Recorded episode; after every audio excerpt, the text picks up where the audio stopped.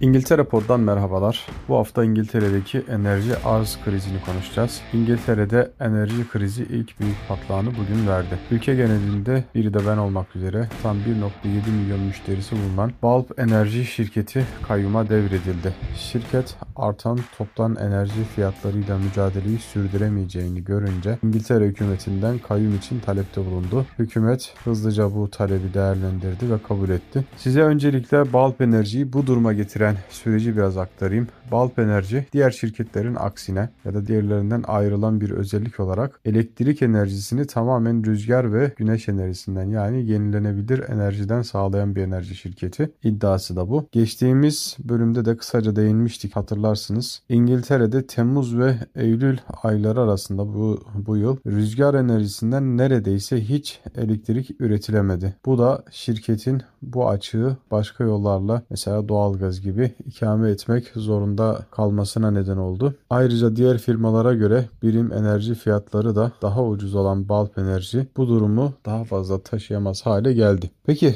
bundan sonraki süreç nasıl işleyecek? Şirketten yapılan açıklamada müşterilere şu an için herhangi bir adım atmamaları tavsiye edildi. Şirketin kayyuma devredilmesinin evlere sağlanan doğal gaz veya elektrikte bir kesintiye neden olmayacağı teyit edildi.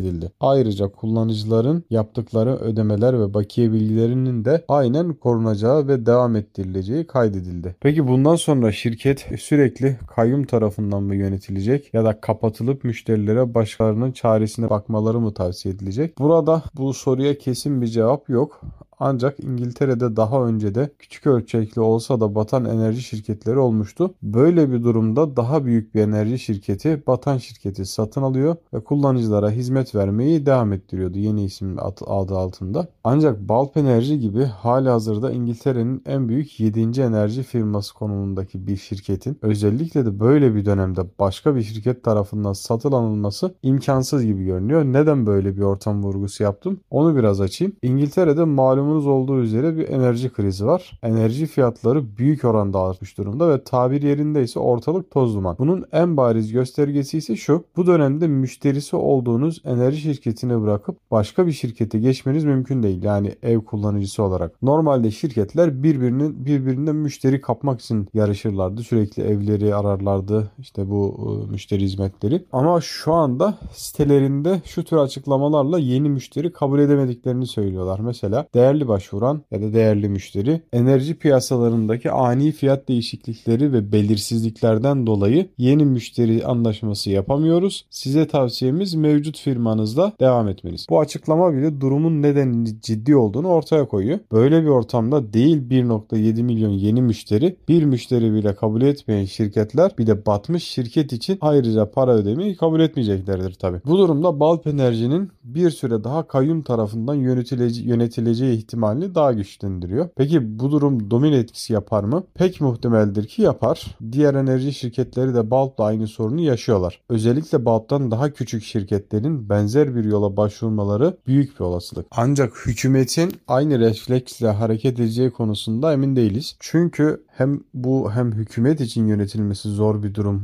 olacak hem de ek bir maliyet getirecek hazineye. Ayrıca daha az müşterisi olan şirketlere şu tavsiyelerle çıkış yolu da gösterilebilir. Denilir ki kayyuma başvurmayın. Size şu kadar süre iflasınız gerçekleşene kadar diğer enerji şirketleriyle görüşün ve müşterilerinizi tamamen ya da kısım kısım ayrı ayrı farklı şirketlere devretmeye çalışın. Böyle bir çıkış yolu bulmaya çalışın denebilir. Geçtiğimiz ay sıkça konuştuğumuz petrol dağıtım krizi şu an e, için İngiltere'de kısmen çözülmüşe benziyor. Bunda askerin kullanılması büyük paya sahip tabi. Ancak şoför krizi çözülmeden bu durumun normale dönmesi pek mümkün görünmüyor. Şimdi tedarik zincirindeki aksamalar da hala devam ediyor. Toptancılar için ürün arz sıkıntısı devam ediyor. İşte toptancılar birçok ürünün arzında problem yaşıyorlar. Ve bu durum gün geçtikçe işte eklenen yeni ürün eksiklikleriyle de artmaya devam ediyor. İngiltere'nin önünde şimdi iki yol var. Bu enerji krizinin dışında gıda arzıyla alakalı. Ya daha geniş kapsamlı ve uzun vadeli bir vize kolaylığı sağlayacak ya da sorunun yani bu kalifiye çalışan eksiğinin İngiltere içerisinden çözülmesi için en az 1-1,5 yılı bulabilecek bir çalışan yetiştirme, işe alma sürecini kovalayacak. Bu iki seçenekten biri İngiltere'nin önünde görünüyor ama ikisi de şu anki konjonktürde baktığımızda İngiltere için acı reçete olarak adlandırabileceğimiz şeyler. Enerji kriziyle, Balp Enerji'nin batmasıyla alakalı konuşacaklarım şimdilik bu kadar. Tabii bugün bütün İngiltere medyası bu konuyu konuşuyor. Zaten Balp Enerji de e, bütün müşterilerine e, mailler atarak durumu izah etti. Artık böyle maillerin de sonuna böyle romantik veda mesajları e, yazmaya başlamışlar. 2015'te kurulmuş bir şirketti Balp Enerji ve iddiası yeşil enerji yani yenilenebilir enerji sağlamaktı. Sıfır emisyonla. Tabii doğalgaz bunun dışında kalıyor ama doğalgaz evlerde kullanılıyor sonuçta. Onların doğalgaz haricinde sağladığı enerjinin tamamını yenilenebilir e, enerji kaynaklarından elde ediyorlardı. Fiyatları da uygundu. Böyle de bir